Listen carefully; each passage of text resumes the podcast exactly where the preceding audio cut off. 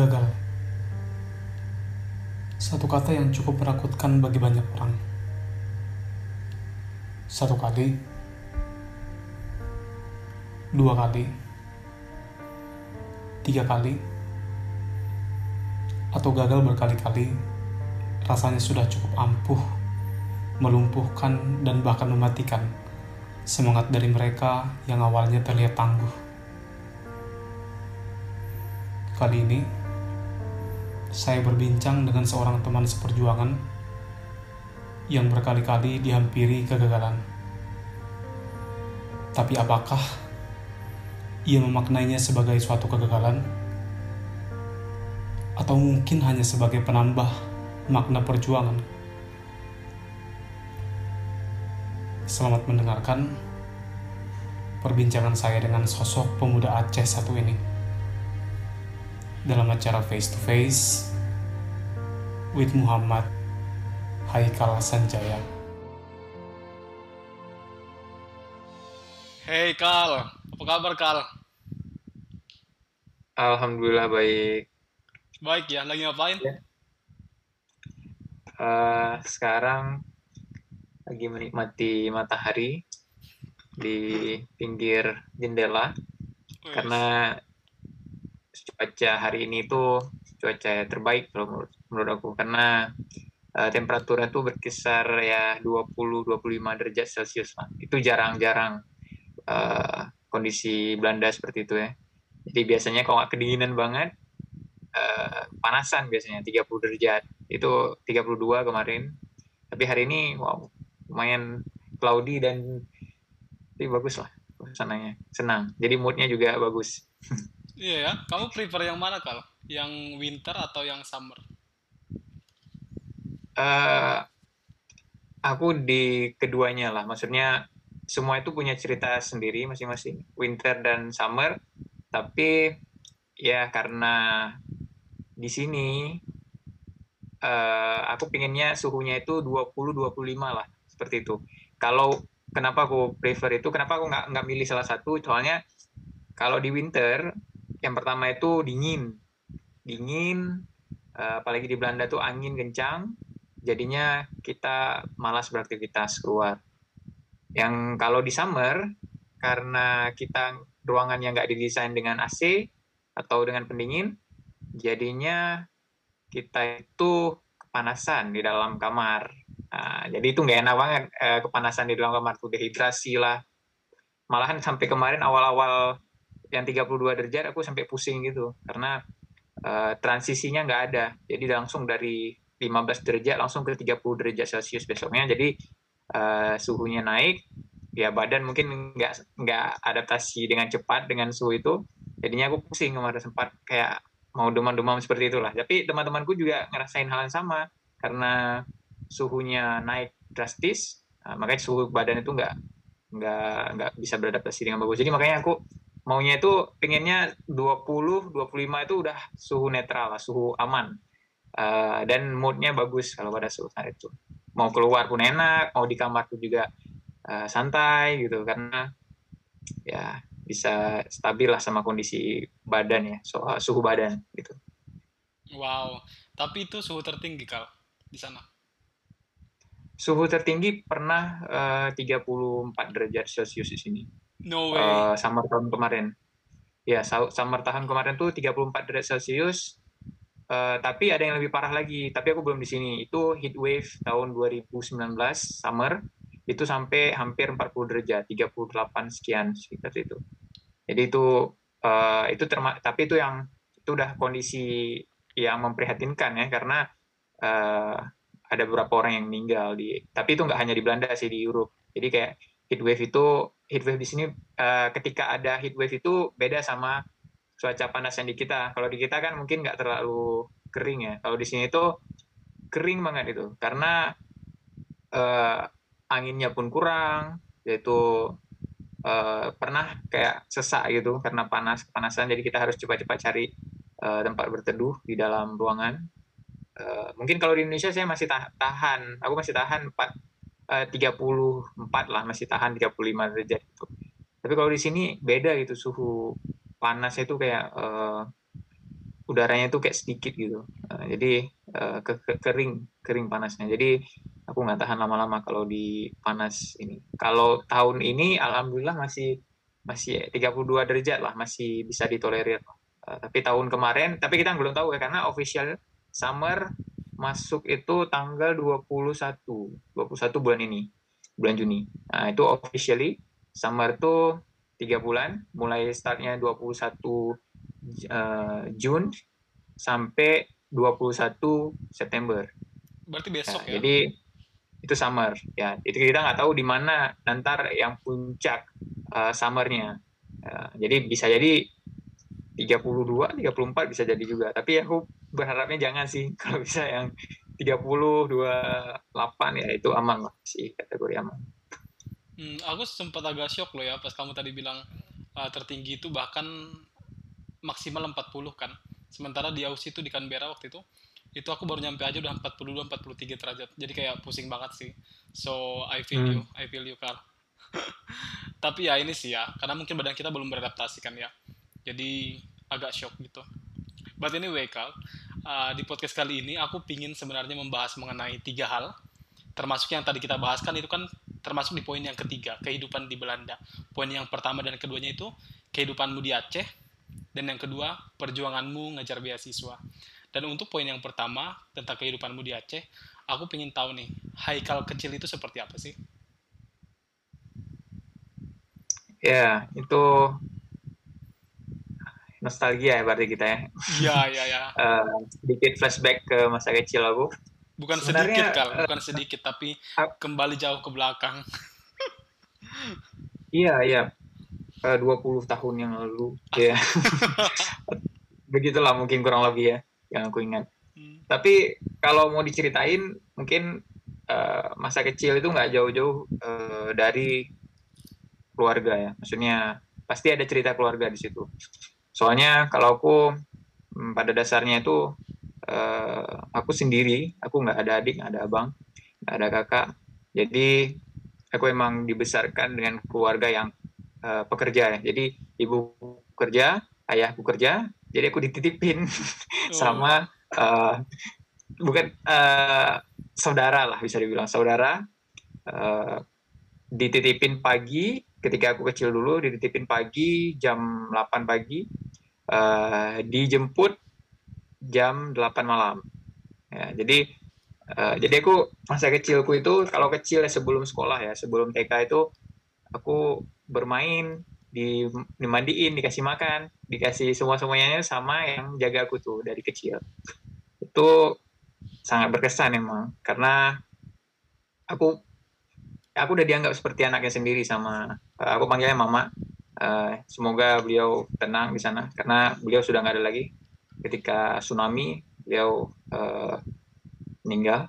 Jadi uh, ya mungkin itu yang paling berkesan menurutku. Uh, tapi juga banyak sih yang yang hal-hal lain seperti misalnya uh, aku karena mungkin ya karena aku tinggalnya di di rumah saudara itu jadi aku aku sendiri aku di explore gitu sama uh, tetangga-tetangganya sekitar. Nah, karena ibuku nggak ada ya, aku nggak ada kan. Aku jadi aku udah dititipin gitu. Jadi aku pertama-tama tuh aku di kalau aku bilang ikut uh, busana muslim. Aku ingat dulu wow. karena ada uh, tetangga aku, tetangga dari mama itu, dari yang pengasuh aku itu, uh, beliau suka banget desain-desain uh, baju, suka uh, peragawat peragawan peragawati suka uh, kayak fashion show seperti itulah kurang lebih jadi aku uh, karena aku dulu gemuk gemuk banget dulu aku uh, gemuk pendek hidup lagi. Habis itu itu uh, di di bukan dilatih sih diajak aja gitu diajak uh, coba ini pakein dipakein bajunya yang udah didesain. Itu aku disuruh jalan di depan. Itu aku uh, ngeragain kayak uh, busana muslim dia ada musik-musiknya dulu. Jadi aku aku lihat pakaianku dulu itu kayak minor banget itu. Udah pakai baju batik baju rompi habis itu pakai peci pecinya ada perintilan-perintilan apa gitu kayak kayak India India kayak mana gitu kan. Jadi emang uh, ya desain dulu seperti itu kan kuliahnya.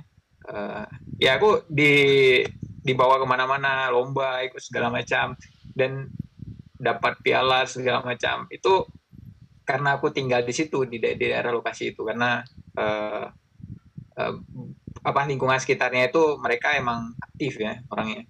Uh, kakak-kakak di situ aktif. Uh, jadi uh, itu itu itu sebelum aku um, TK dan setelah aku TK aku lebih banyak karena udah ada waktu sekolah. Jadi ketika aku TK aku uh, uh, tidak tidak seintens sebelum TK bermain di lingkungan masyarakat di, di lingkungan sekitarku. Tapi lebih ke lingkungan TK-nya kalau di TK sendiri aku terkenal dengan uh, apa namanya uh, penjaga sekolah. Jadi aku aku dikirain anak yang penjaga sekolah karena aku paling telat dijemputnya. Uh, dulu itu aku teringat TK itu kan dari jam 8 sampai jam 10 ya kalau nol kecil masih masih ya, masih tiga atau empat jam lah uh, belajar gitu. Tapi aku dijemputnya itu jam 4 sore atau jam 3 sore loh.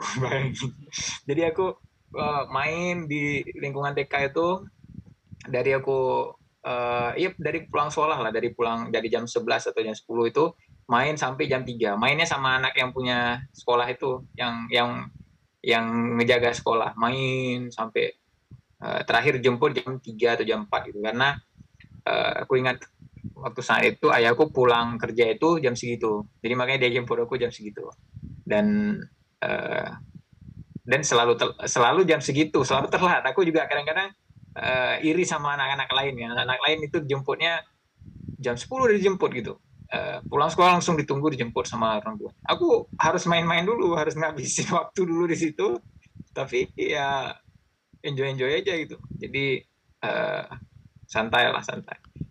Uh, ketika min min ya kalau aku dulu min madrasah ibtidaiyah negeri itu sama kayak SD sekolah dasar jadi itu aku pada dasarnya dipilihin sekolah di dekat lokasi ayahku kerja, kantor ayahku.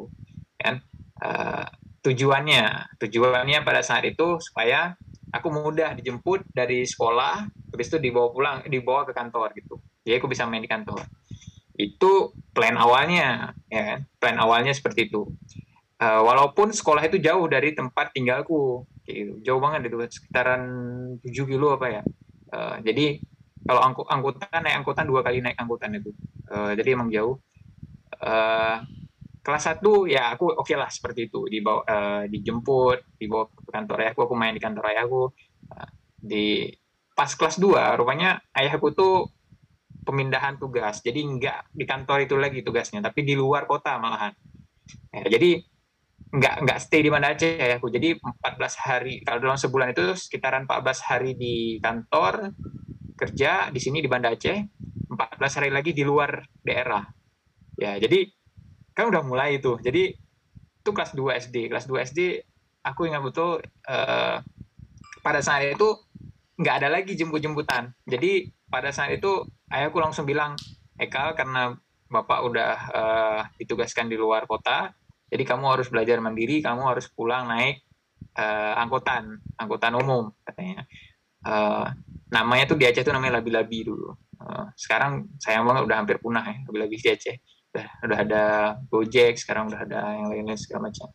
Jadi jadi aku kelas 2 ingat banget itu kelas 2 dan setelah itu aku diajarkan gimana cara naik angkutan uh, pada saat itu. Aku paling berkesan uh, hari pertama aku uh, naik angkutan. Uh, jadi ayahku ngajarin, dia bilang uh, kamu naik, uh, ayahku ayahku ngikutin itu, ayahku ngikutin. Uh, kamu dibilang dibilang ke aku gini, uh, kamu naik dari uh, sekolah sekolahmu itu sekolah dasar sekolah dasar kan. Jadi uh, jadi kamu tunggu di halte itu naik uh, angkutan nomor sekian, ya nanti turun di pasar gitu, di pasar. Di pasar itu kamu naik lagi angkutan satu lagi untuk tujuan ke rumah, nomor sekian katanya. Tapi sebelum kamu naik angkutan ke rumah itu, uh, kita ketemu dulu di pasar, kata ayahku. Jangan langsung pulang. Jadi aku ingat kan, jadi eh, bilang ayahku. Jadi pas saat itu aku naik kan, naik angkutan, udah oke okay, naik angkutan, ayahku tunggu di pasar aku rencananya kan jumpa sama ayahku tuh di pasar untuk uh, nunjukin angkutan yang lain gitu. untuk yang sambung angkutan yang lain. Tapi aku langsung naik ke angkutan yang lain itu langsung pulang ke rumah. Langsung pulang ke rumah, udah nyampe rumah, aku udah tidur tiduran istirahat. Ayahku belum nyampe lagi. Habis itu pas ayahku pulang dari pasar, dia lihat dia marah banget, marah kesel banget. Uh, tadi di mana katanya? Uh, ditungguin di pasar nggak ada gitu. Oh nggak tahu, kirain udah pulang. Jadi dia udah tungguin, udah berkeringat dengan panas segala macam. Gara-gara tuh dia nggak kerja seharian uh, nungguin. Tapi akunya pulang terus gitu, nggak jumpai nggak apa namanya samperin dia di iya. pasar gitu. Hmm. Rencananya kami pulang bareng gitu. Tapi karena aku udah kebablasan ya udahlah aku lupa juga uh, panik juga pada saat itu karena pertama kali naik angkutan kelas 2 SD itu. Oh. Jadi uh, sampai di rumah aku dimarahin, kan dimarahin dan dia bilang uh, ulang ulang katanya. Jadi disuruh ulang lagi naik angkutan. Jadi aku diantar lagi ke uh, sekolahku lagi. Waduh. Sehari saat itu juga aku pakai baju lagi, pakai baju sekolah.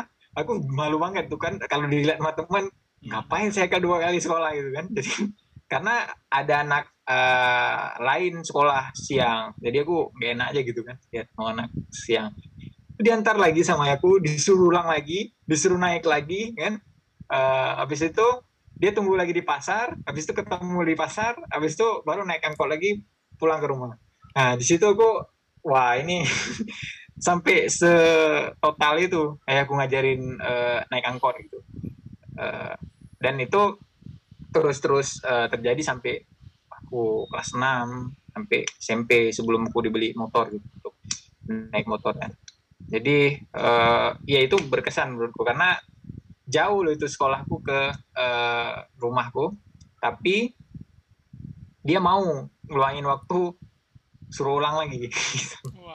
Tujuannya ya untuk aku biar bisa ingat gitu, ingat rutenya dan ingat janji gitu kalau janji ketemu di sini ya di sini gitu jangan uh, langsung pulang gitu dasar itu ya jadi tapi ya naik angkot tuh ya punya drama sendiri sih kalau mau dibilang. Karena aku dikasih uang jajan untuk angkot doang bayar angkot doang. Gak dikasih uang jajan di sekolah. Nah, jadi itu cerita lain lagi mungkin ya. Karena uh, ayahku membatasi aku makanan-makanan yang nggak tahu lah mungkin uh, jadi makanannya harus yang roti, harus yang eh, segala macam lah, yang yang bergizi katanya bergizi. Tapi aku lihat anak-anak lain makanan enak di sekolah biasa-biasa aja, bergizi-bergizi aja, pinter-pinter aja mereka gitu kan. Uh, jadi uh, saat itu juga aku kadang-kadang aku pakai uang uh, transport, uang transport lah intinya untuk jajan karena aku nggak bisa tahan gitu untuk jajan. Kadang-kadang 200 perak itu aku pakai uh, untuk ongkos labil-labil tadi, ongkos angkot. Nah, tapi itu deg-degan itu karena 200 itu nggak cukup, nggak cukup sebenarnya, harusnya 500 gitu. Cuman kadang-kadang dikasihani sama si milik angkot tuh boleh lah gitu, boleh boleh. Tapi besok jangan gitu lagi katanya. Tapi besok ya gitu lagi, maksudnya ya itu drama-drama di angkot ya kadang-kadang habis lempar uh, uang ke depan, habis itu langsung lari gitu. Jadi supaya nggak ya. supaya nggak diminta, nggak ditagih lagi gitu kan. Uh, jadi pokoknya itulah yang eh, aku sadar sih manajemen keuanganku buruk dulu waktu kecil. Jadi emang parah sih itu. Uh, main kucing-kucingan sama uh, ke, ang, apa angkot gitu. Uh, apalagi ya.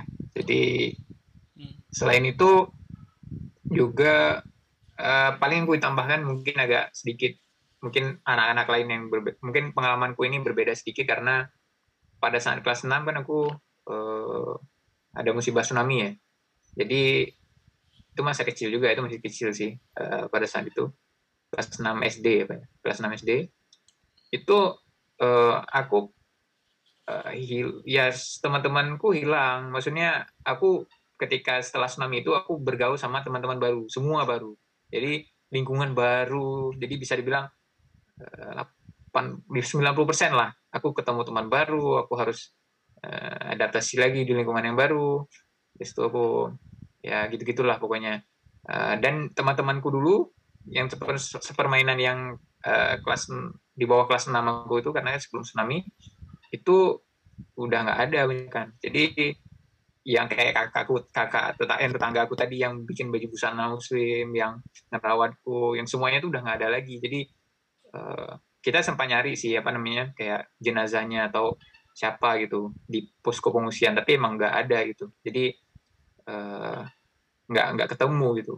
Nah jadi pada saat itu ya lumayan berat sih karena uh, aku harus adaptasi lagi sih sama itu. Tapi ya so far ya aku bisa sih bisa bisa adaptasi. Tapi nggak senyaman lingkungan dulu sih. Tapi ya namanya lingkungan komplek kan komplek itu kan uh, tinggalnya itu masing-masing ya masing-masing dan bukan saudara gitu. Jadi kita nggak bisa sembarangan masuk ke rumah orang. Tapi kalau lingkunganku sebelum tsunami dulu itu emang saudara semua. Jadi ketika aku kadang-kadang bisa tidur siang itu di dua rumah yang berbeda gitu. Jadi eh, masuk ke rumah orang, ke rumah eh, apa namanya paman atau ke rumah bibiku itu bisa masuk aja gitu.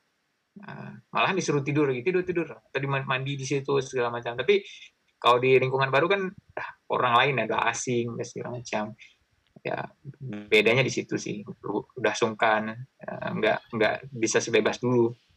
Tapi ya ya itulah hidup kan harus jalani semua itu uh, pasti ada titik titik-titik yang kita turning point namanya. Jadi menurutku ya itu turning point dari uh, hidupanku di setelah tsunami itu. Ya ya mungkin itu sih yang benar ceritain benar. ya dan itu tsunami itu, itu tsunami Aceh tahun 2004 kan Kal? Dan waktu itu ya, ya kamu umur uh, kamu udah ini kan udah kelas 6 SD kan. Jadi audiensku pasti udah bisa nebak umurmu berapa ya Kal? Hmm. yeah. tapi anyway Kal anyway. Dan kamu tinggal di Banda Aceh kan? Ya. Yeah. tinggal di Banda Aceh. Masa kecil itu kan Kal penuh dengan imajinasi kan terus imajinasimu itu waktu itu gimana sih Kal kapan kamu ada kepikiran untuk aduh I have to go to apa ya to abroad gitu-gitu? Ada nggak pikiran itu waktu itu? Nggak ada. Dulu aku ceritanya ingat aku mau jadi presiden. Jadi itu waktu kecil dulu kayak tinggi banget ceritanya karena ayahku bilang jadi presiden jadi karena juga pada saat itu Aceh kamu tahu sendiri mungkin Aceh itu kan salah satu daerah konflik ya konflik parah itu jadi aku ingat waktu kecil dulu kita itu masih jarang bisa keluar malam jadi Eh, dan Aceh itu terkenal dengan dua KTP dulu. Jadi kita yang udah balik ya, yang, yang udah balik lagi, yang udah 17 tahun, yang udah dewasa itu mereka harus punya dua KTP. Jadi yang pertama itu KTP kuning, kalau KTP zaman dulu tuh KTP kuning namanya, dan satu lagi KTP merah putih. Ya, jadi uh, setiap orang Aceh itu harus punya dua KTP. Di KTP merah putih itu menandakan bahwa mereka bukan gerakan separatis, anggota gerakan separatis. Di KTP kuning menyatakan bahwa mereka penduduk Indonesia. Uh, eh, KTP dan itu salah satu juga strategi dari um, uh, pemerintah RI pada saat itu untuk membedakan yang mana gerakan separatis dan mana orang sipil. Gerakan separatis itu nggak mungkin dia buat KTP merah putih karena di kantor-kantor Koramil itu sudah ditempel semua foto-foto orang uh, uh, apa namanya orang dalam uh, pemantauan istilah gitu. oh, ya hmm. orang dalam pemantauan. Jadi sudah ditempel-tempel semua. Jadi ketika orang masuk ke kantor Koramil mengurus KTP merah putih dia langsung ditandain mukanya gitu. Jadi mereka pasti nggak nggak nggak ngurus KTP merah putih dulunya uh, jadi itu salah satu strategi dari uh, para pemerintah untuk ya menangkap lah itu anggota separatis. Tapi ya itu mungkin topik lain lagi. Tapi itu kurang lebih uh, seperti itu dulu. Uh, makanya aku tidak ada cita-cita keluar negeri, keluar negeri. Aku lebih cerita itu ke gimana cara membuat Aceh ini damai atau uh, ya menjadi orang inilah terpandang lah. Maksudnya ya karena aku dulu kan ada orang kontak senjata di depanku itu biasa gitu di depan SD ku gitu. Nah, jadi ya pingin sih jadi orang ya jadi presiden karena itu karena pingin ngatur aja gitu ngatur uh, keadaan sekitar ya supaya baik lebih baik dan itu kan anak ya. Maksudnya uh, keinginan yang uh, apa namanya halu kalau bilang sekarang ya. Tapi ya ya ya menurutku semua orang punya keyakinan tapi bakalan diubah pasti kan. Misalnya kayak semakin lama semakin turunin itu grade grade sesita itu pasti, pasti turun. Jadi kayak pertama itu aku pengen jadi ya presiden di SMP aku pengen jadi pemain bola. Ya habis itu jauh banget larinya. Habis itu yang SMA aku pengen jadi polisi kalau salah aku. Ya polisi. Ya jadi karena ada tentang saudaraku yang polisi. Dan dia ya aku terinspirasi dari dia. Dia keren misal segala macam gitu kan. Di uh, dengan pangkat-pangkatnya gitu. Jadi ya aku suka aja dengan kepribadiannya juga bagus gitu. Nah, dan setelah kuliah uh, aku melihat uh, karena aku uh, kuliah di jurusan uh, ilmu politik pemerintahan. Jadi ya aku melihat lebih ke internasional ya lebih ke luas lah. Dan aku melihat juga salah satu yang bisa membuka peluang karir untuk aku itu kuliah ke luar negeri gitu. Ya jadi kuliah ke luar negeri itu bisa jadi uh, satu pengalaman satu sisi bisa jadi juga peluang karir ke depannya.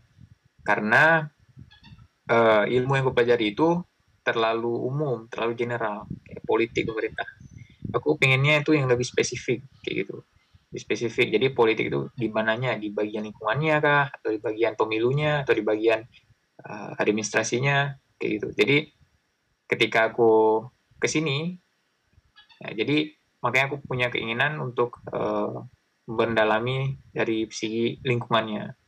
Dan ya, ya itu baru terbuka pikiran ketika aku mempelajari bahasa Inggris karena dulunya aku belum menguasai bahasa Inggris dan aku yakin orang-orang ketika dia belum bisa menguasai bahasa Inggris dia belum punya kuat mimpinya ke luar negeri pasti. Tapi ketika dia udah punya uh, motivasi kuat di belajar bahasa Inggris, pasti dia punya keinginan kuat untuk ke luar negeri. Ya, karena salah satu pintu untuk luar negeri itu ya menguasai bahasa kayak gitu. Itu itu udah paling ya, paling pondasi uh, yang paling kuat untuk bisa ke luar negeri. Uh, di samping ntar ada keahlian lain, didukung keahlian lain misalnya kayak uh, ya jurusan dia sendiri ya itu yang dipelajari. Uh, tapi menurutku ya yang paling kuat motivasi itu ya uh, motivasi dari bahasa Inggris itu sendiri. Dan aku uh, jujur aku dulu dari dulu nggak suka bahasa Inggris. Dan ketika menjalani perkuliahan di akhir aku dihadapkan sama persyaratan skripsi sidang skripsi dulu harus TOEFL-nya itu 477 kalau salah aku. Dulu ya. Jadi aku harus nyampe segitu mau nggak mau harus nyampe dan harus uh, lulus. Karena kalau nggak lulus aku nggak bisa sidang. Dan syarat sidang adalah itu. Jadi mau nggak mau aku harus belajar mati-matian belajar TOEFL segala macam. Dan aku ingat aku nggak nyampe juga 470 nggak salah 450 ya gitu. Tapi bisa karena uh, mungkin kebijakan dari dari fakultas sendiri ya boleh lah 450 gitu enggak enggak 477 gitu. Ya boleh lah sedikit-sedikit gitu. tapi ya pada saat itu juga aku mulai berkomitmen untuk oh ini kayaknya penting ini bahasa Inggris. Jadi uh, ketika kita bisa bahasa Inggris kita tahu apalagi kalau di jurusan itu kan harus banyak baca ya. Jadi ya mau nggak mau memang harus baca. Jadi ketika kita punya materi dari luar negeri bahasa Inggris ya kita lebih maju selangkah di depan sama teman-teman kita ya gitu. Nah, jadi saat itu gak aku eh, di saat itu juga aku memutuskan untuk ke Pare ke Pare ya. Ya dengan niatan untuk memperdalam bahasa Inggris. Dan aku nggak tahu skillku di mana jadi makanya aku belajar aja lah gitu bahasa Inggris. Nggak ada structure bahasa Inggrisnya nggak ada apa namanya di mana sih uh, levelku ini gitu. Jadi aku nggak tahu di mana jadi makanya aku ke sana ya di sanalah aku berkelana berapa bulan ya sehingga saya bertemu sama Mr. Ben ini Mr. Ben yang uh, menginspirasi juga pada saat itu ya jadi ketika kita udah dikelilingi sama orang-orang yang punya cita-cita yang mirip atau punya cita-cita yang besar ya kita bakalan terpengaruh sama orang-orang tersebut jadi makanya pada saat itu juga aku ber, ber, uh, bertekad untuk keluar negeri gitu. Pas di Pare kal. itu sih ya Pas di Pare baru Di Pare. ke luar negeri. Sebelumnya enggak berarti.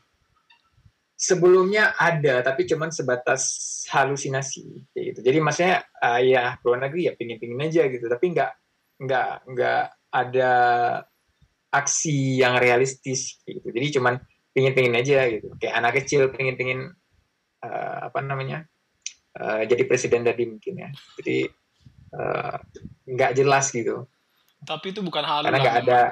Bukan halu lah namanya itu.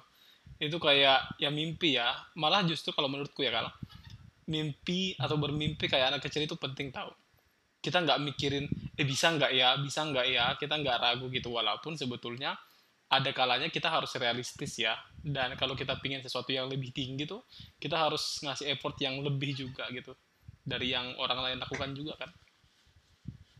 Iya, itu dia yang yang aku bilang halu tadi itu karena aku cuma mimpi doang kayak gitu. Oke. Mimpi doang di siang bolong gitu kan. Jadi mimpi doang, nggak ada eh, strateginya, nggak ada planning yang jelas. Jadi pa- tapi ketika sampai di Pare itu udah mulai kan, udah mulai kebentuk sedikit-sedikit. Ketika bahasa Inggrisnya ya naik dikit-dikit lah levelnya, biarpun nggak nggak nggak tinggi-tinggi amat gitu. Tapi ya minimal ngerti lah kalau kayak misalnya gini kita kita bisa aja ngucapin bahasa Inggris kita bisa conversation conversation sama, uh, sama orang bahasa Inggris dan dia ngerti dan kita ngerti itu aja udah salah satu uh, apa ya kepuasan sendiri bagi kita. Udah percaya diri itu udah naik langsung naik jadi apalagi ditambah sama listening sama reading atau sama writing lagi gitu kan. Jadi uh, itu yang membuat mimpi itu yang tadi nggak hanya sekedar mimpi gitu tapi uh, punya strategi yang jelas untuk mewujudkan mimpi itu. Makanya ketika kita udah tahu kita oh kita udah mendekati kepada uh, mimpi itu, kita makin semangat, makin terpacu kayak gitu. Jadi itu yang ku dapat di Paris sih, bukan bukan apa namanya? Bukan nggak boleh bermimpi, bukan, tapi uh, mimpi boleh, tapi harus diimbangi sama uh, langkah-langkah ya. Harus dan kamu juga ketika kamu bermimpi itu uh, kamu bisa ngukur tuh uh, ketika mimpi, misalnya misalnya yang paling yang paling kasarnya itu itu yang paling struktur ya yang paling struktur maksudku. Ada satu temanku jadi dia nulis level 1, level 2, level 3 sampai level 5 ya. Jadi mimpinya itu di level 1 sekarang ya kan? Di level pas sudah sampai level 2 upgrade skillnya apa aja. Nah, jadi dia bisa ngukur perkembangan dari uh, mimpi-mimpinya itu. Ketika level 1 masih bisa menjadi presiden. Level 2 uh, berarti dia harus belajar rajin Uh, salah satu indikatornya itu belajar yang rajin, uh, ngambil jurusan yang relevan. Uh, level 3 itu misalnya masuk anggota partai atau udah masuk kan level 3 sampai level 5. Jadi jelas mengukur kesuksesan dari uh, step-stepnya gitu. Jadi udah punya uh, apa namanya? Uh, measurements ya, measurement tersendiri dari dia bagaimana dia uh, merealisasikan goalsnya itu tadi. Ya, jadi ada tahap-tahapnya kayak gitu. Itu itu sih yang yang yang terstruktur. Cuman bukan berarti semua orang harus seperti itu bukan. Tapi hal itu dibutuhkan ketika kamu down. Kamu bisa melihat apa aja progresmu. Ketika kamu uh, udah membuat seperti itu eh saya udah sampai level 2 loh sebenarnya. Jadi uh, saya udah bisa sebenarnya melakukan ini, ini ini. Tinggal ini aja yang ketiga. Kenapa nggak bisa saya lakukan ini? Jadi ketika kita itu sama kayak orang membuat diary mungkin ya. Ketika setiap hari gitu. Jadi ketika dia melihat diarinya lagi dia semakin semangat lagi untuk membuatnya. Walaupun kadang-kadang malas segala macam. Ya ini juga kita bisa merefleksikan diri kita lagi. Wes kita udah sampai di sini loh. Kita pernah tulis ini gitu gitulah intinya. Jadi menurutku tapi semua orang punya caranya masing-masing. Jadi hmm, dan punya lingkungan masing-masing bagaimana dia diajarkan untuk melakukan hal itu. Uh, pada saat aku itu ya aku ketemu orang-orang yang yang udah malah aku dulu pas ke Pari awal-awal aku minder. Karena uh, orang-orang di sana tuh sudah keren-keren. Dari universitas bagus-bagus. Sedangkan aku dari uh, daerah entah berantah gitu kan. Maksudnya yang nggak jelas gitu. Dan sampai sana juga masih karena aku jarang merantau ya. Jadi pas sampai sana itu masih apa ya dibilang itu termenung termenung nggak jelas itu melihat orang wis dia keren banget dia keren banget. Nah, jadi juga itu bisa nambah apa namanya energi positif untukku jadi jadi menurutku ya itu positif untuk aku. Tapi ada juga menurut orang mungkin uh, down buat dia down seperti itu. Ada juga seperti itu. Jadi itu masing-masing orang punya bagaimana dia uh, perceive. Ya jadi dia receive receive feedback sama orang lain receive uh, apa namanya perspektif orang lain. Jadi pada saat itu aku wah ini keren nih orang nih. Nah, itu kenapa enggak kita ikut dia aja? Gitu. Dia aja kok bisa gitu kita nggak bisa gitu. Nah, jadi motivasi itu ada ketika di Paris sebenarnya terbentuk yang keluar negeri ya tadi keluar negeri. Ya seperti itu. Wow amazing ya kal. Tapi anyway kal sebelum kau ke Paris kan aku lah ada drama-dramanya pastikan dan setahu orang tuamu nggak setuju kan nah kayak kamu bohong deh. Mau berangkat ke Jakarta gitu ternyata ke Pare iya nggak sih? Aku lupa hmm nggak sih. Setuju orang tua aku setuju pada saat itu setuju. Cuman emang aku harus uh, mempresentasikan ya kurang lebih uh, menguatkan argumenku kenapa aku harus ke Pare dan kenapa nggak belajar di rumah aja kenapa nggak belajar di Aceh aja kenapa harus ke Pare uh, dan pada saat itu ada temanku yang baru selesai dari Pari dia yang dia yang presentasi ke aku jadi aku udah ada bahan lah untuk presentasi ke ibuku. Uh, jadi saat itu uh, emang pure jadi jadi aku cuman berapa bulan ya selang dengan kelulusanku. Jadi kelulusanku itu uh, wisuda bulan akhir November aku berangkat Pare awal Januari. Jadi sebulan doang cuman kayaknya kamu Maret nah, jadi, 2016 kalau uh, ya aku Januari aku udah berangkat dari uh, Aceh. Aceh, dari Aceh ke Jakarta. Aku singgah Jakarta dulu, aku tinggal di tempat uh, main-main dulu di tempat homeku Jakarta, hampir hampir sebulan, hampir sebulanan. Uh, setelah itu ya Februari aku main lagi ke, ke tempat temanku di Jogja. Habis itu akhir akhir Februari aku tanggal 20-an aku lumayan cepat sih sampai Pare 20-an ya itu udah ada mulai masuk ke ke Pare lah. Ke salah satu lembaga kursus uh, yang uh, apa ya bisa dibilang sangat instagramable pada saat itu. Jadi sangat uh, baik dalam men-share informasi-informasi beasiswa sangat baik dalam mengemas infografis beasiswa dan ya menurut aku aku tertarik juga dengan hal itu Iya, tapi bukan korban marketing kan? Uh, 50-50 lah bisa dibilang.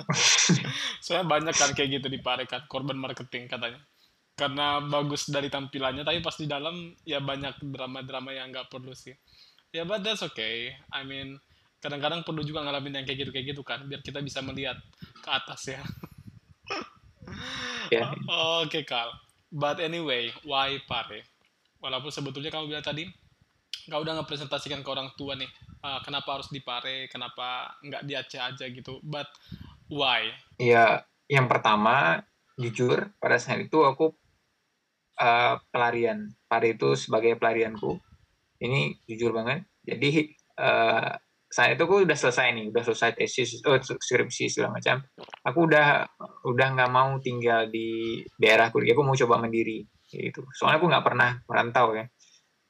Dan itu alasanku salah satunya ya mungkin ini semua orang cerita ini ya, tapi ya aku ya seperti ini cerita adanya. Uh, kebanyakan orang seperti ini dan aku juga seperti orang kebanyakan. Uh, aku ke aku min, aku ada izin ya aku minta izin ke orang tua ya di di momen yang pas gitu. Jadi di momen saat aku butuh belajar bahasa Inggris, di momen saat aku penat mengerjakan skripsi dan tinggal di daerahku. Gitu. Nah, jadi aku ingin cari suasana baru, ingin ya belajar lebih mandiri lagi lah pada saat itu. Karena otomatis kan kalau kita tinggal di terpisah sama orang tua ya kita ya semuanya sendiri lah. Uh, melakukan sendiri sampai sekarang juga sendiri gitu. Uh, ya ya nggak ada masalah pokoknya aku jadi ibuku juga melepas aku karena dia melihat juga ya kapan lagi kamu keluar? Maksudnya kapan lagi kamu bisa mandiri gitu sama dirimu sendiri ya itu salah satu pelajaran hidup juga. Nggak hanya belajar bahasa Inggris tapi ya banyak hal yang bisa didapat di sana gitu. dan ibuku uh, oke-oke aja gitu. Jadi pada saat itu mungkin kondisi juga lagi pas ya pas timingnya pas ayahku semua oke okay, ibuku oke okay, katanya. Uh, dan aku juga fine aja gitu. Karena karena kebetulan juga ada teman beberapa temanku yang uh, berhasil aku ajak sebenarnya dari dari Banda Aceh yang seangkatanku ke Paris sebenarnya. Aku bawa teman lima apa enam orang ya gitu. Gara-gara aku mau pergi, mereka pergi semua gitu. Nah, tapi pas sampai di sana, pas sampai di Paris, mereka padahal mereka nya mau uh, kursusan satu kursusan sama aku gitu. Pertama dia bilang nggak apa-apa kal, aku ikut kamu aja gitu. Ke mana pun kamu pergi ya aku aku di situlah di kursusan tuh. Karena mereka nggak nggak tahu kan tentang Paris. Tapi pas sampai Paris, aku masuk satu kursusan, aku daftar, uh, udah selesai daftar mereka pas mereka, mereka kan cek-cek dulu kan belakang segala macam lihat roomnya. Habis itu langsung berubah pikiran. Langsung berubah pikiran e, kal aku lihat-lihat dulu yang uh, lainnya kal gitu kan. Uh, oh iya nggak apa-apa nggak apa-apa. Aku nggak paksa kok bilang gitu kan. Ya serah nggak apa-apa. Mereka lihat-lihat yang lain dan mereka pindah rupanya. Dan mereka nggak nggak di kursusanku. Karena kayaknya kursusanku itu hmm, apa namanya uh, sedikit sederhana ya. Itu bukan dengan sedikit tempat lagi sih. Luar biasa ya, sederhana. Bukan sedikit. Ya. ya. Uh, sangat ini ya, apa namanya? shock mereka pas lihat pertama. Jadi aku ya aku nggak nggak bisa nyalahin mereka sih. Ya mereka bisa berubah kepikiran kapan aja karena mereka kan juga mementingkan diri mereka sendiri mungkin dengan keadaan sekitar.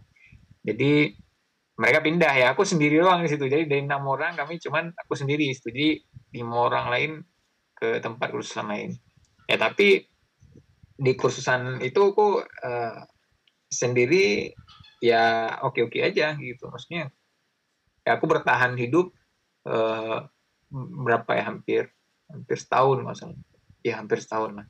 Sekitaran tujuh bulanan lah di sana. Jadi itu udah udah lumayan rekor untuk aku. Karena aku sebelumnya belum belum pernah keluar rumah. Pisah ya bisa tinggal sama orang tua pada saat itu uh, ya itu udah udah lumayan pencapaian terbaik menurutku tinggal di luar uh, nggak bergantung lagi sama orang tua walaupun ditransfer masih sama orang tua ya, karena belum haruslah. belum belum belum bisa uh, mencari nafkah sendiri pada saat itu uh, ya itu sih kalau menurutku Iya, terjawab iya. nggak iya. pertanyaannya? Terjawab sih, terjawab sih. Why pare kan, kan pelarian kalau kayak semua orang juga punya cerita yang mirip-mirip dengan kau kal termasuk dalam hal pelarian tadi ya. Dan hmm.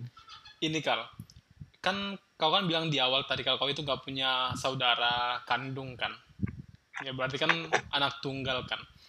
Dan aku malah dengarnya kau itu mau ke Pari aja izinnya susah gitu sampai harus berbohong. Terus habis itu ngomongnya mau ke ini mau ke tempat keluarga. Terus habis itu belok ke Pare gitu kan setelah dari tempat keluarga. Aku dengar dari siapa gitu ya ternyata ceritanya nggak kayak gitu ya. Berarti mereka ya salah salah ngasih kabar ya. Tapi anyway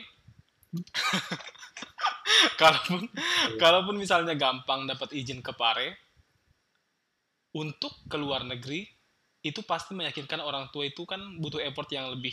Mengingat kau itu adalah anak tunggal Nah, waktu itu gimana? Gimana ngasih tahu ke orang tua kalau kau itu pengen keluar negeri dan sedang mempersiapkan itu semua gitu. Dan pada akhirnya berangkat. Gampang nggak sih yakinin mereka?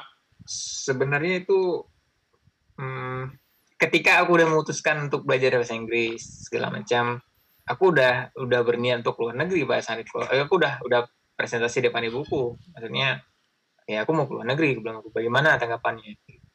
Ya ibuku ya setelah lagi pada saat itu ibuku masih masih kerja masih apa namanya masih sehat segala macam. Dia sekarang masih sehat juga sih.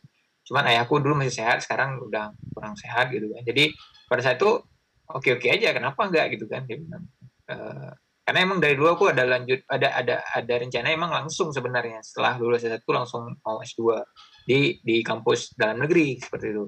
Uh, tapi karena berhubung aku ingin belajar bahasa Inggris dulu di Pare ya udah aku ambil cuti. Maksudnya aku mau urungkan dulu niat untuk langsung kuliah ke kampus itu di kampus nasional. Dan aku mencoba untuk belajar bahasa Inggris. Dan pada saat itu juga aku bilang ke ibuku ya aku pingin apply ke luar negeri gitu beasiswa ke luar negeri. Oh boleh kata ibuku. Jadi emang nggak ada batasan sih sama ibuku. Uh, sama aku juga nggak ada batasan. Karena di karena gini pola pikir ibuku dan ayahku itu udah berbeda ketika aku masih SMA dulu. Mungkin nggak tahu ya mereka mungkin lebih kelas gitu. Jadi mereka itu perspektifnya udah beda ketika aku udah di udah di dewasa ini uh, dulunya di nggak aku aku nggak dilepas ke mana-mana tapi pada saat ini mereka ya kalau di karena kan mungkin di agama ya mereka dipengaruhi juga oleh agama pada saat uh, ya nabi kan di kehidupan itu kan Nabi Muhammad ya yang jadi role modelnya. Hmm. jadi Nabi Muhammad itu uh, bilang kalau kamu mau sukses ya hijrah gitu. Jadi hijrah itu pindah gitu pindah. Jadi ya pada saat itu juga ya nggak ada masalah karena pada dasarnya juga ayah sama ibuku juga pindah sebenarnya bukan dari orang oh ibuku ya ibuku bukan orang asli Banda Aceh jadi pindah dari desa pindah ke kota. Jadi emang harus seperti itu kehidupannya. Dan itu udah dipahami sama ibuku pada saat itu udah di makanya dengan mudah gitu oke oke aja kenapa enggak gitu. Uh, kan untuk ilmu doang gitu. Nggak kerja selamanya di sana gitu. Jadi aman-aman aja pada saat itu. Uh, malahan tapi aku pernah mengurungkan niatku untuk apply ke luar negeri pada 2016 2017 2017 2017 ya 17 pas ayah sakit uh, kan? iya ayahku sakit. Jadi saat itu aku kayak ragu-ragu gitu mau apply tapi ayahku langsung bilang nggak apa-apa apply aja gitu hmm, karena dulu aku targetnya kan Australia jadi uh, ya ya kampusmu itu di kampus ANU kan jadi yeah. Iya. uh, dulunya aku pingin banget di situ uh, belajar di situ. Nah, makanya aku apply cuman di NU doang. Maksudnya target itu emang NU doang gitu. Uh, bermodalkan IELTS pas-pasan. Uh, tapi aku coba, cuman coba AS doang pada saat itu 2017 aku ingat uh, aku coba AS doang. Makanya ayahku ayahku ngasih izin lah gitu pada saat itu. Malahan dia bilang uh, kalau bisa sebelum ayah nggak apa namanya masih ayah ingin lihat ya kamu sudah S2 lah gitu karena jujur ayahku itu uh, cuma tamatan SMA jadi dia berharap anaknya itu lebih daripada dia nah, jadi saat itu ya aku apply apply aja gitu apply apply aja. Tapi aku nggak fokus banget gitu karena aku lihat juga kondisi ya aku sakit kan. Jadi aku memikirkan juga pertimbangan banyak. Tahun pertama 2017 ya tahun kedua uh, aku masih tetap HS doang nih HS HSS dan itu aku masih satu beasiswa dan uh, mataku langsung uh, maksudnya aku udah apa namanya lebih lagi effortnya. Karena aku juga dukung nggak apa-apa langsung aja gitu. Ibuku juga bilang apa apa uh, apply aja terus jadi mati-matian lah aku berjuang di situ di HS itu. Tapi nggak keterima. Dua kali aku apply nggak keterima. Di yang ketiga aku coba tes IELTS lagi. Uh, di situ aku bisa dapat uh, berapa beasiswa lah. Maksudnya dapat membuka peluangku untuk bisa apply di beberapa beasiswa. Di tahun ketiga tahun 2019 ya tahun 2019 itu aku apply semua gitu. Apply uh, malahan aku ingat beasiswa Turki ya. Pernah apply Turki pernah apply. Di saat di hari itu di AAD Aceh pernah apply. Uh, habis itu aku apply Stunet itu aku apply AS pada saat itu. Uh, di awal bulan empat bulan doang aku udah empat beasiswa yang aku apply pada saat itu. Uh, kayak membuka pikiranku uh, bahwa satu beasiswa kayaknya nggak bisa nggak nggak bisa kita berharap pada satu orang ya atau satu beasiswa tapi kita harus membuka jaringan membuka pikiran bahwa kuliah itu bisa di mana aja sebenarnya asal kita benar-benar teguh gitu. Ya udah aku buka semua aku apply aku buat motivation letter segala macam. Uh, ya ya sampai aku sekarang di sini. Jadi uh, apa namanya punya proses itu setiap setiap itu. Tapi intinya orang tuaku itu tidak pernah melarangku ke luar negeri. Cuman aku aja yang nggak nggak uh, apa ya nggak enak hati gitu ya untuk uh, ninggalin orang tua. Tapi ya orang tua tetap aja bilang nggak apa-apa gitu. Uh, soalnya juga uh, kamu udah belajar bahasa Inggris katanya. Kamu udah belajar bahasa Inggris sayang kalau nggak diimplementasikan uh, jadi buat orang-orang di sana mungkin yang lagi belajar bahasa Inggris ya kamu kalaupun kamu nggak keterima ya ya bukan pada saat itu gitu. Tapi kamu harus ingat juga sejauh mana udah kamu belajar bahasa Inggris? Ketika kamu udah belajar bahasa Inggris sudah lama udah jauh ketika kamu e, mimpimu kamu buang dari luar negeri sayang banget gitu. Karena kamu udah investasi mau waktu mau uang mau tenaga di situ semua tapi kamu lepas aja gitu. Nah, tapi kamu coba mikirkan uh, bagaimana saya mem, apa namanya memanen hasil dari investasi saya itu. Ya salah satunya ke luar negeri itu mau kerja kayak mau kuliah tapi mesti sih kuliah karena sekarang kan udah banyak beasiswa bukan ya FPDP apa namanya beasiswa daerah juga ada beasiswa kampus juga ada dan beasiswa-beasiswa lain gitu. Jangan jangan pernah terfokus dalam satu beasiswa. Nah jadi intinya dengan restu orang tua itu ya aku semangat lagi tuh apply semangat apply ke semua beasiswa di tahun 2019 itu. Nah, di situ juga uh, membuka pikiranku. Uh, gitu. Jadi ya akhirnya dapat gitu saat itu Hmm, menarik tuh kak kalau kita bicara masalah kegagalan-kegagalanmu ya khususnya di tahun 2017 sama 2018 dan aku pingin kita bicara detail soal itu karena aku pengen ngasih tahu ke semua pendengar podcastku ini kalau kegagalan itu sebenarnya hal yang wajar. Bahkan buatku secara pribadi itu wajib kalau kita pingin berhasil. Nah coba kal kasih tahu dulu kal ke kita yang ada di sini. Waktu tahun 2018 kamu nyoba apa aja dan gagalnya kenapa kira-kira Ya, 2017 ya pertama. 2017 okay. aku nyoba AS. Aku coba AS. Uh, eh, aku malahan ikut uh, bimbingan um, pelatihan AS, bagaimana membuat motivation letter, bagaimana memilih kampus. Aku ikut itu kelas kelas itu kelas AS itu uh, berapa bulan ya nggak salah dua bulan apa tiga bulan gitu. Lumayan lah menyita waktu. Jadi aku udah aku ingat banget aku nulis itu motivation letter aku dan di kelas itu itu uh, udah keren maksudnya bagus banget menurutku ya menurutku. Aku belum pernah nulis motivation letter sebagus itu karena uh, guru apa namanya guru-guruku itu applause gitu. Motivation letter lebih bagus ini. Jadi uh, karena juga di, di, di sambilan sambilan dengan hari uh, ketika aku balik ke Aceh aku coba kerja di NGO gitu. Jadi aku emang menan jadi gini ya uh, untuk orang-orang di sana uh, ketika kamu apply beasiswa itu usahakan kamu punya poin lebih gitu. Poin lebih. Jadi jangan cuma memikirkan uh, saya pinter nih saya layak diterima nih. Tapi beasiswa itu kebanyakan dia itu melihat kontribusimu apa itu sebelumnya. Karena itu penting bagi mereka untuk apa ya memetakan bahwa ini anak ini uh, apa namanya bisa anak ini bisa udah pernah loh dia melakukan hal ini. Makanya ke depannya kalau dia keterima dia bakalan melakukan hal itu juga gampang gitu. Intinya ketika kalian uh, punya kemampuan bahasa Inggris coba kalian ikut acara uh, kegiatan-kegiatan uh, volunteer atau di acara-acara pokoknya kerja apa gitu di NGO atau apa gitu itu sangat membantu sih. Nggak harus besar tapi uh, kontribusinya ada ke masyarakat gitu. Atau kontribusinya ada jelas itu programnya.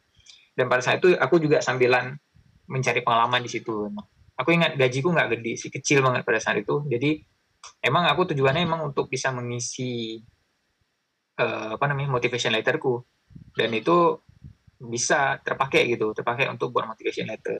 Karena kalau kita nggak ada kegiatan kita menulis motivation letter biarpun bagus banget juga susah gitu nggak keluar idenya. Tapi ketika kita punya sesuatu yang bisa kita hmm, tawarkan makanya motivation letter itu keluar sendirinya itu idenya. Nah, jadi uh, itu penting sebenarnya.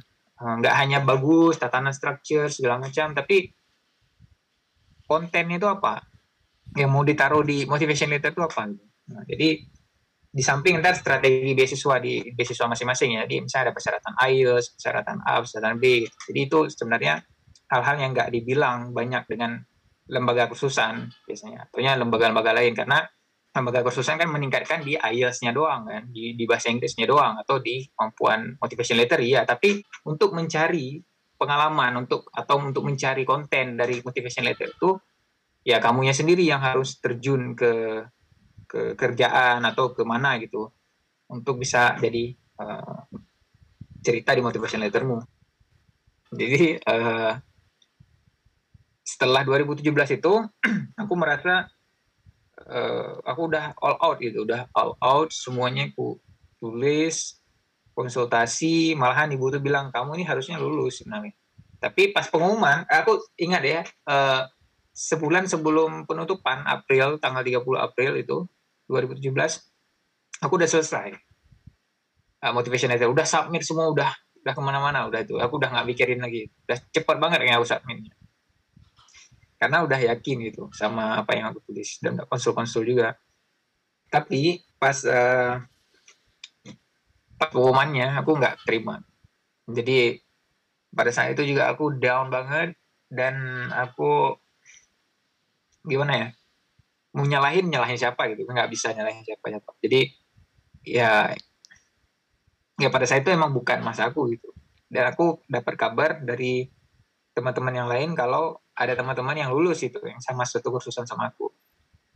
Uh, jadi ya aku sedih juga sih pada saat itu. Uh, cuman ya gimana ya pada saat itu nggak pokoknya udah lah gitu intinya lupain lah gitu. Uh, 2017 tuh udah lupain 2018 gitu lagi.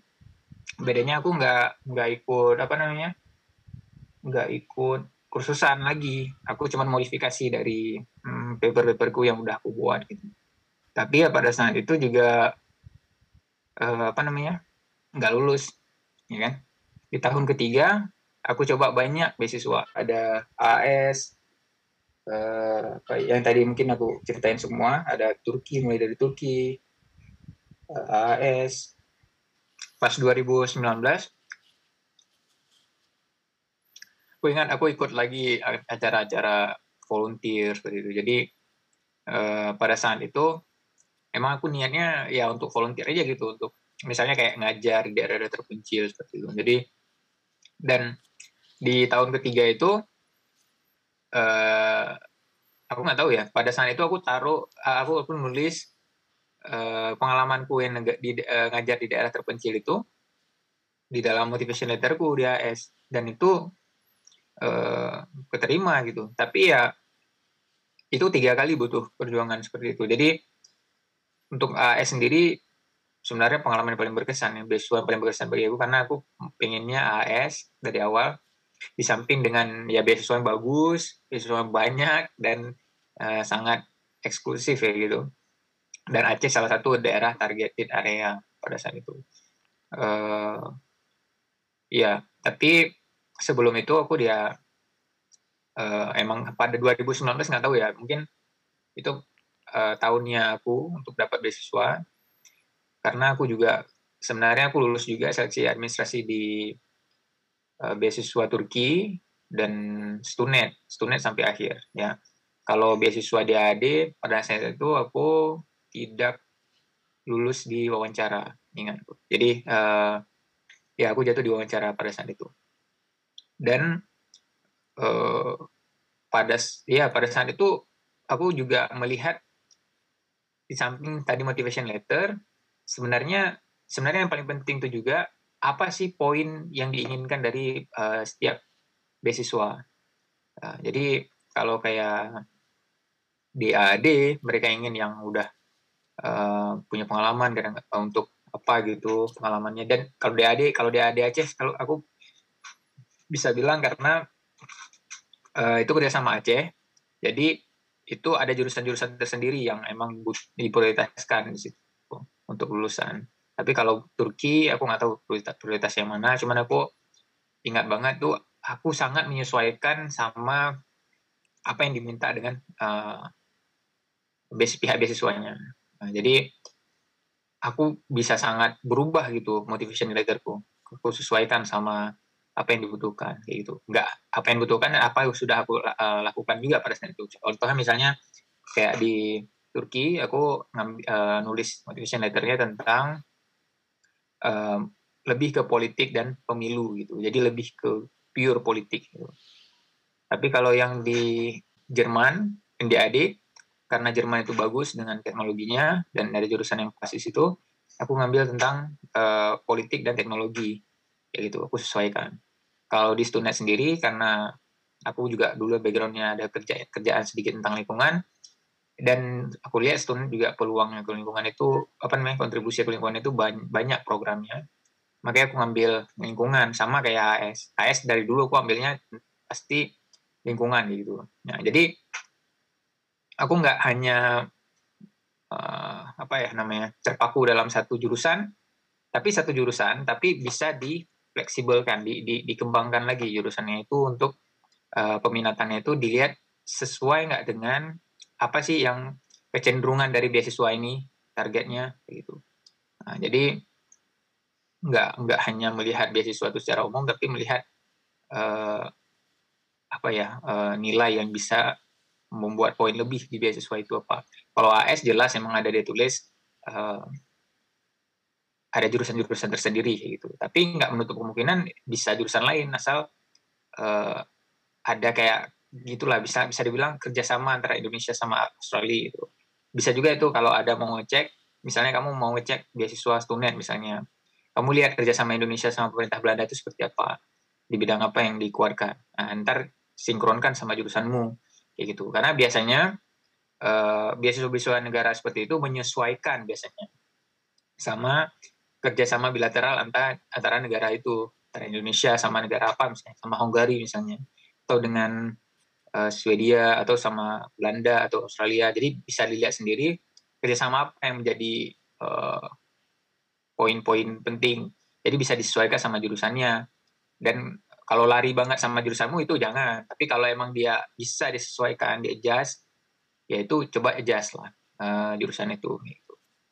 Nah, jadi itu sih yang itu itu bisa dibilang nggak work hard aja, tapi work work smart juga. Jadi coba jangan uh, kerja terlalu keras kamu menulis sampai keren banget grammarmu segala macam tapi kamu tidak bisa melihat peluang di sana itu jadi kerja pintar juga dibutuhkan gitu. Dan melihat saingan juga pintar uh, melihat saingan memperhitungkan sainganmu itu juga penting. Karena ketika sudah banyak terlalu banyak di jurusan itu uh, saingannya bakal bakalan lebih kompetitif. Seperti itu. Jadi lihat ambil. Kadang-kadang ada jurusan yang tidak banyak orang ambil gitu. Di, di, di dalam major majormu. Tapi jangan keluar dari majormu gitu. Lihat sesuatu yang unik yang bisa ditampilkan di situ itu bakalan dipertimbangkan biasanya dari pihak beasiswa